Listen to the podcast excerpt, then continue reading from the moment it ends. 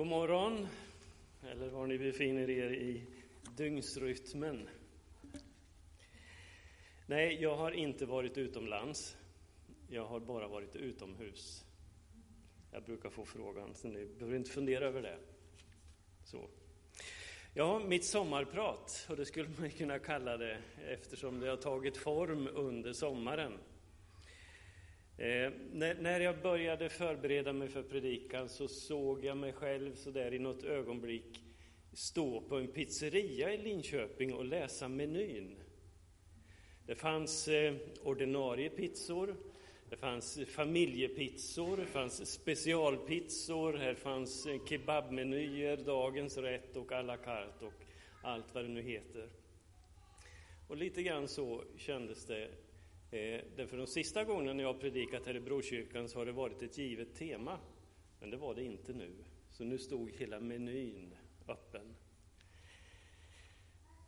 Men det har tagit form under sommaren och det landade i mig eh, på torpkonferensen i en av gudstjänsterna eh, när eh, våra missionsdirektorer predikade om Eh, församlingen om kallelse och om eh, att eh, utmana en ung generation till att, att tjäna och bära Guds rik och Guds verk vidare.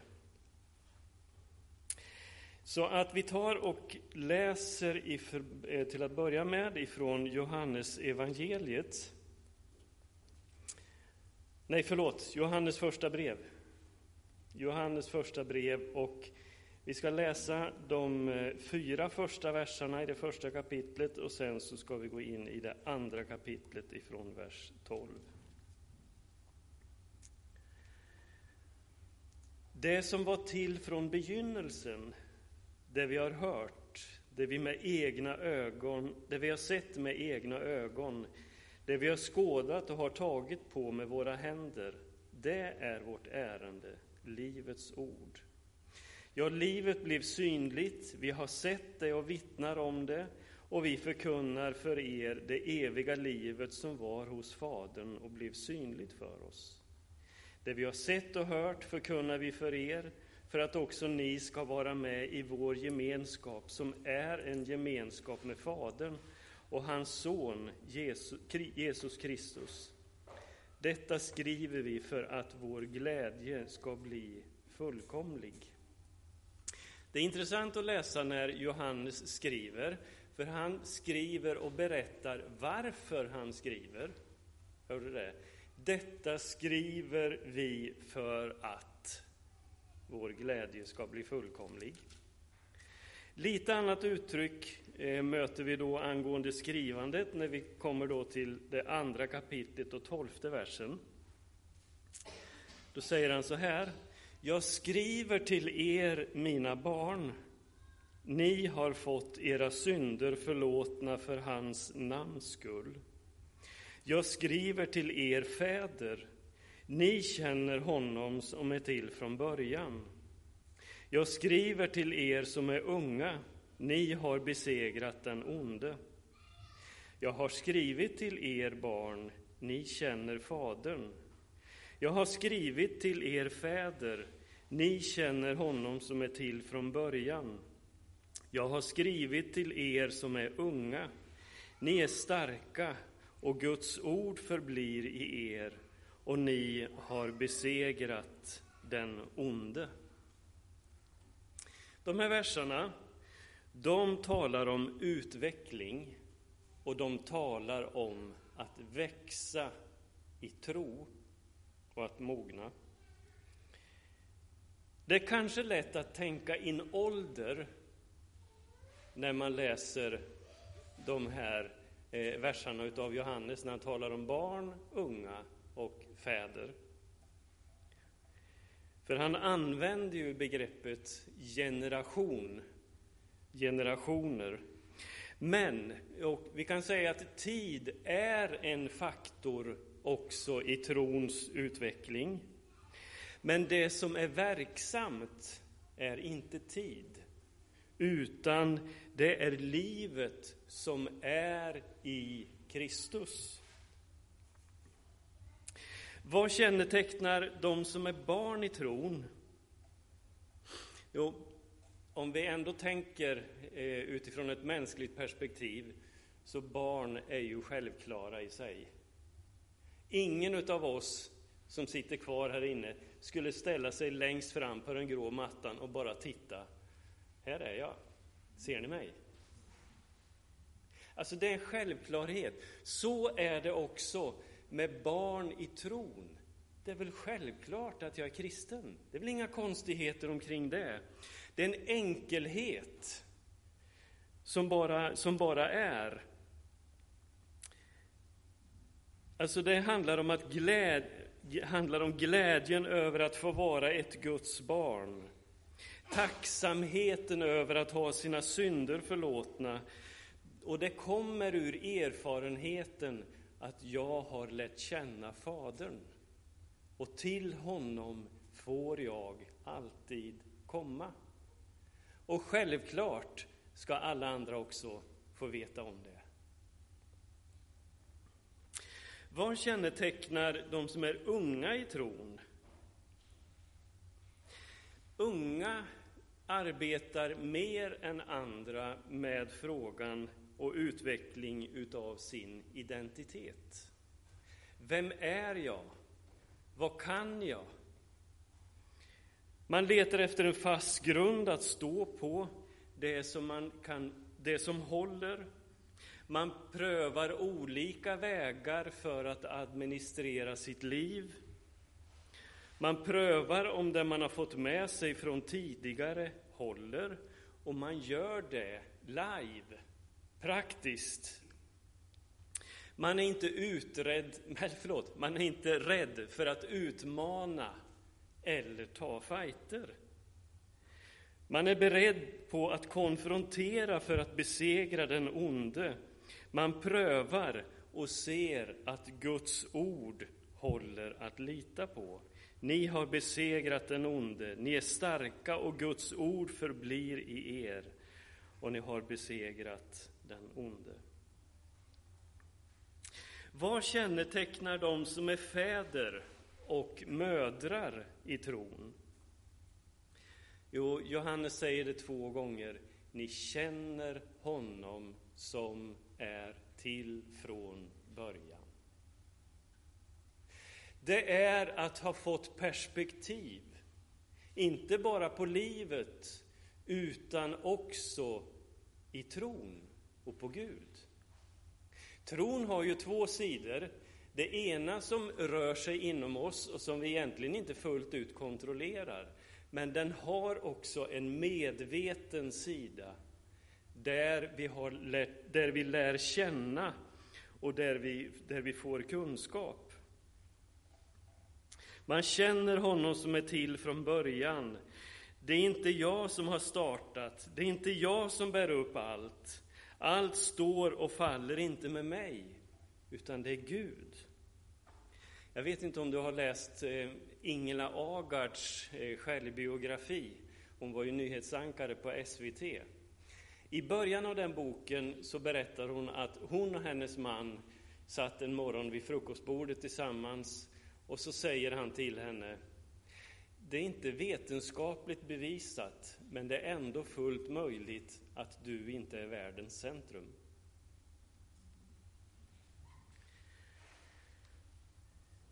Alltså att vara mogen i sin tro, det handlar om att ha perspektiv. Att ha fått insikt, erfarenheter. Därför att det är ju erfarenheter, höll på att säga, instruktionsböcker som ger oss ny förståelse när vi praktiserar det. Och Det innebär att man påverkas inte av alla svängningar fram och tillbaka. Man vet att periodvis blåser det olika vindar, men huset står fast därför att det är byggt på en fast grund. Och grunden är Kristus. Det finns ett annat uttryck, eh, och vi möter det i Uppenbarelseboken, eh, som vi ibland stannar till inför, och det är uttrycket den första kärleken. Och eh, då kan vi tänka emellanåt att ja, men det handlar om den här ivern som de unga har, de unga i tron. Men den första kärleken, det uttrycket, handlar inte om tid, utan det handlar om karaktär. Alltså karaktären i kärleken. Det handlar inte om att man måste göra det så som unga gör, utan gör det utifrån den erfarenhet och kunskap man har. Vi ska inte läsa det, men i Första Timoteusbrevet 3 så skriver Paulus om ledarskap. Och där, där eh, lyfter han fram vad som är viktigt för en församlingsledare. Och då tänker jag så här, att man förstår det på ett, på ett bra sätt när man tittar på det utifrån det som Johannes också säger om mognad i tron. För det är just det som, som Paulus skriver till Timoteus om. Dels att vara mogen i tro, men också att ha en mogen personlighet. Att vara medveten om och reflekterad omkring de erfarenheter livet har gett mig.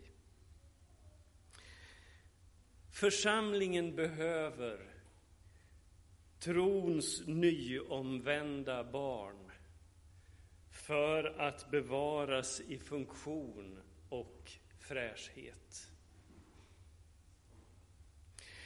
Församlingen behöver trons unga, starka, kampvilliga för att bevaras i liv och i funktion. Församlingen behöver trons gamla, stabila kämpar som är väl grundade i tron. Vi behöver varandra för att utmanas för att stå fasta. Barbro och jag har ju levt utan barn hemma nu i 15 år. Och eh, vi säger ju gång på gång att livet är vist, barn ska man ha när man är ung. Det känner vi när, när eh, familjerna kommer hem. Jag brukar skoja och säga att det är jätteroligt när de kommer, så är det jätteskönt när de åker. Men alltså barnen eh, gör någonting med oss och barnbarnen gör någonting med oss när de kommer hem. Vi gör saker hemma som Barbro och jag aldrig gör annars. Varför då? Jo, därför att vi låter barnen och barnbarnen ta plats.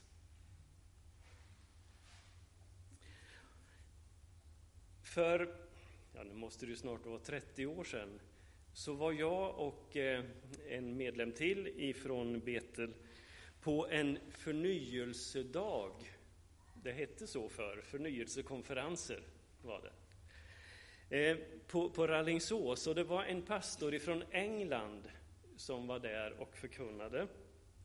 Och han tog en, en bild ifrån sin egen familj Eh, Eh, och berättade att de hade en hund som började på bli gammal. Och man såg att den blev tröttare och tröttare och man insåg att snart har vi inte den hunden kvar längre. Och då tänkte de på att det här blir svårt för barnen att komma över det. Så man skaffade en hundvalp för att liksom brygga över det här avslutet med den gamla hunden. Men det som hände det var att den gamla hunden kom på benen igen. Det blev ny fart när det kom in en liten valp. Och sen hade de två hundar istället. Tycker det är en bra bild utav vad vi, vad vi ser i det här sammanhanget. Eller en helt annan bild, men också från naturen. Eh, för tio år sedan så flyttade ju Barbro och jag ifrån Västergården i Opphem en stor trädgård. För er som inte har sett den då så är det väldigt mycket fruktträd i den här trädgården. När jag flyttade dit så, så var jag 32 år. Nu håller en familj på att renovera eh, huset, man har gått över trädgården. Han fyllde, fyllde 30 alldeles nyligen. De ska flytta in där om eh, något år. Och man har börjat jobba med hela fastigheten. Jag sa att det var en trädgård som var rik på fruktträd och sommaren 1989, andra sommaren när vi bodde där, hade vi mer än tre ton äpplen i trädgården. Och nu när en ung, ny ung familj är på väg att flytta dit så renoverar man allting. Man började som sagt förra året med trädgården. Och man beskar äppelträden med motorsåg. Det var inte vackert att titta på. Om man tänker utifrån att man ska ha frukt nu. Men vad som har hänt med de här gamla träden, det är att de har skjutit hundratals nya skott. På grund av det liv som finns i de här gamla stammarna, som ju är jättegamla. Och med rätt beskärning utav de här träden så kommer det att finnas nya fräscha grenar som kommer att bära ny frukt inom några år.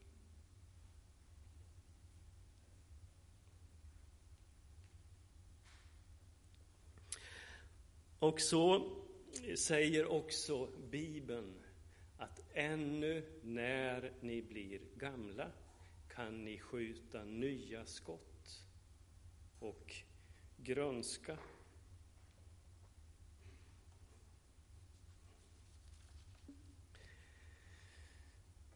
Det finns två gammaltestamentliga sammanhang som, eh, som också har funnits med mig in i tanken inför den här söndagen. Och den ena av dem liksom såg jag framför mig när jag var på Torpkonferensen och när missionsdirektorerna vidrörde det här.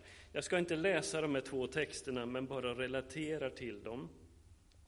För det handlar också om det här med, med eh, generationer.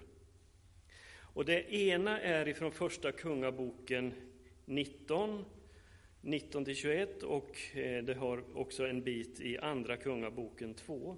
Det handlar om Elia och Elisa. Elia var profet och eh, sedan så, så ledde Gud honom till att gå och kasta manteln över Elisa. Och Elisa blev Elias tjänare och följde, följde med honom. Och i Andra Kungaboken så läser vi om då, vi vet, Bibeln berättar om att Elia, han for ju till himlen i en eldsvagn, han lyftes bort. Och det står om att när Elia lyftes till himlen så föll hans mantel av och den blev kvar. Men det Elisa gjorde när han inte längre såg Elia i eldsvagnen uppe i skyn, det var att han gick och tog Elias mantel. Han tog upp den.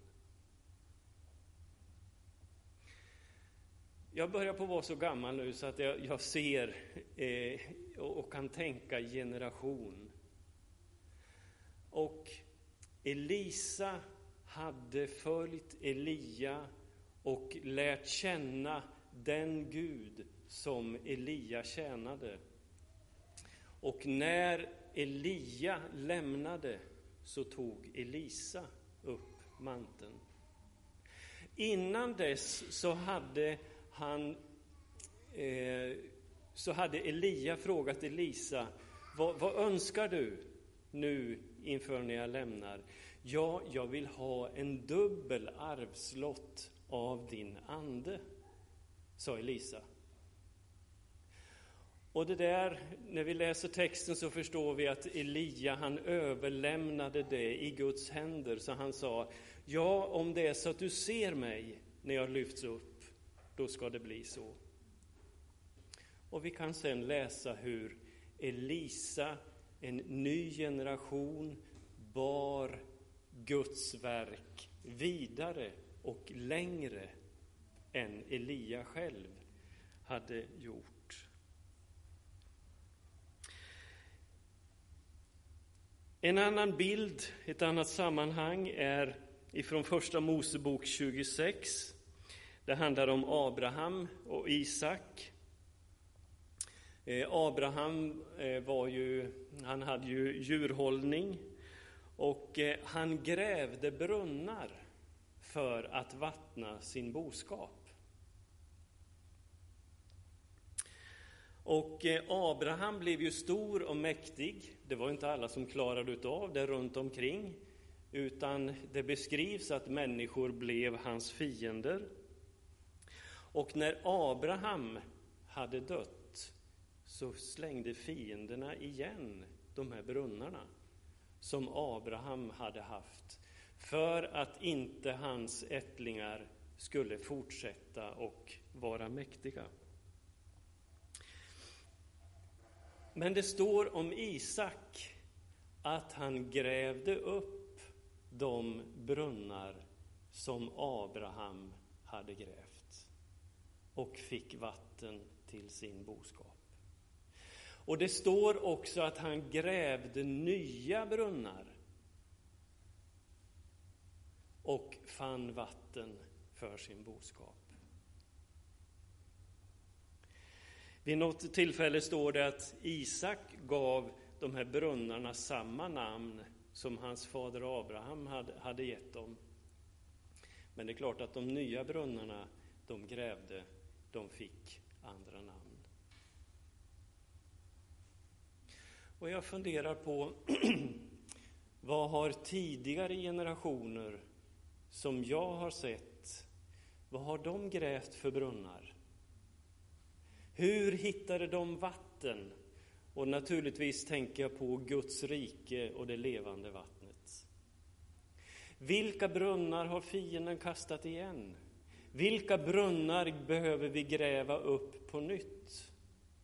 Och vilka nya brunnar behöver grävas? Eller som Lena var inne på förra söndagen i det hon delade om, om bilden utav en ny väg som var byggd och som snart skulle tas i bruk.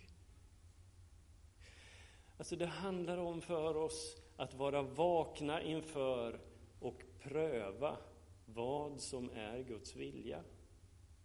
Vad som är gott och vad som är välbehagligt i hans ögon.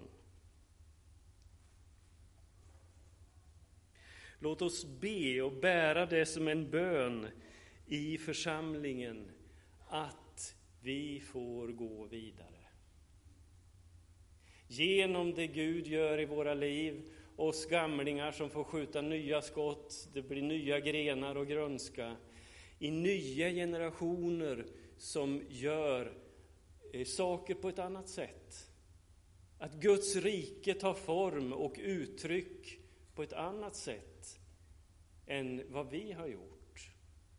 Låt oss vara måna om att inte titta så mycket på formerna som att titta efter innehållet.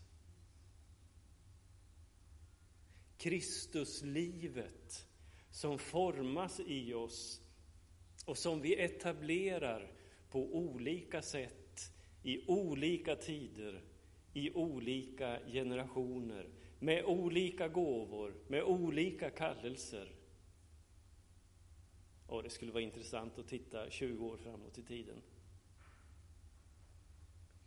Hur Guds rike gestaltas, det kanske inte jag kommer att få se, men jag kan ändå tänka tanken. Och när vi bygger församling idag, jag brukar tänka så, så bygger vi inte församling för min generation i första hand. Vi bygger församling för våra barn och för våra barnbarn. Vi ska tänka framåt.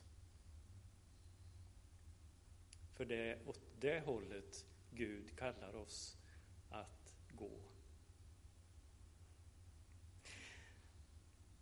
Guds ord, men också lite spridda tankar eh, utifrån mitt sommarprat. Herre Jesus Kristus, tackar dig för att vi får leva med dig. Tackar dig för att vi får vandra med dig. Herre, vi tackar dig för generationer som har gått före oss.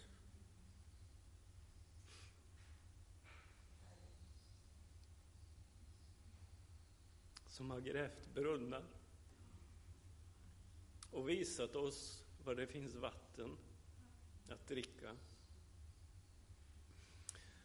Så ber jag om din nåd, Herre, över mig själv, över min generation, att vi är måna om att visa kommande generationer på levande vatten, att visa på källorna, att visa på Kristuslivet, att forma lärjungar till att följa dig. Herre, vi ber över eh, den höst och den vinterperiod som vi går in i. Herre, vi ber att ditt liv, att din ande, att din klarsynthet, att din ledning ska få vara god och märkbar i vår gemenskap. Herre, välsigna våra pastorer. Vi ber för oss i församlingsledningen. Herre, låt oss få beröras utav ditt liv, utav din kraft, utav klarsynthet, utav vision, utav tydlighet. Herre, låt oss få skjuta skott. Låt oss få bära frukt. Låt oss få grönska utav ditt rike, utav ditt liv. I Jesu namn.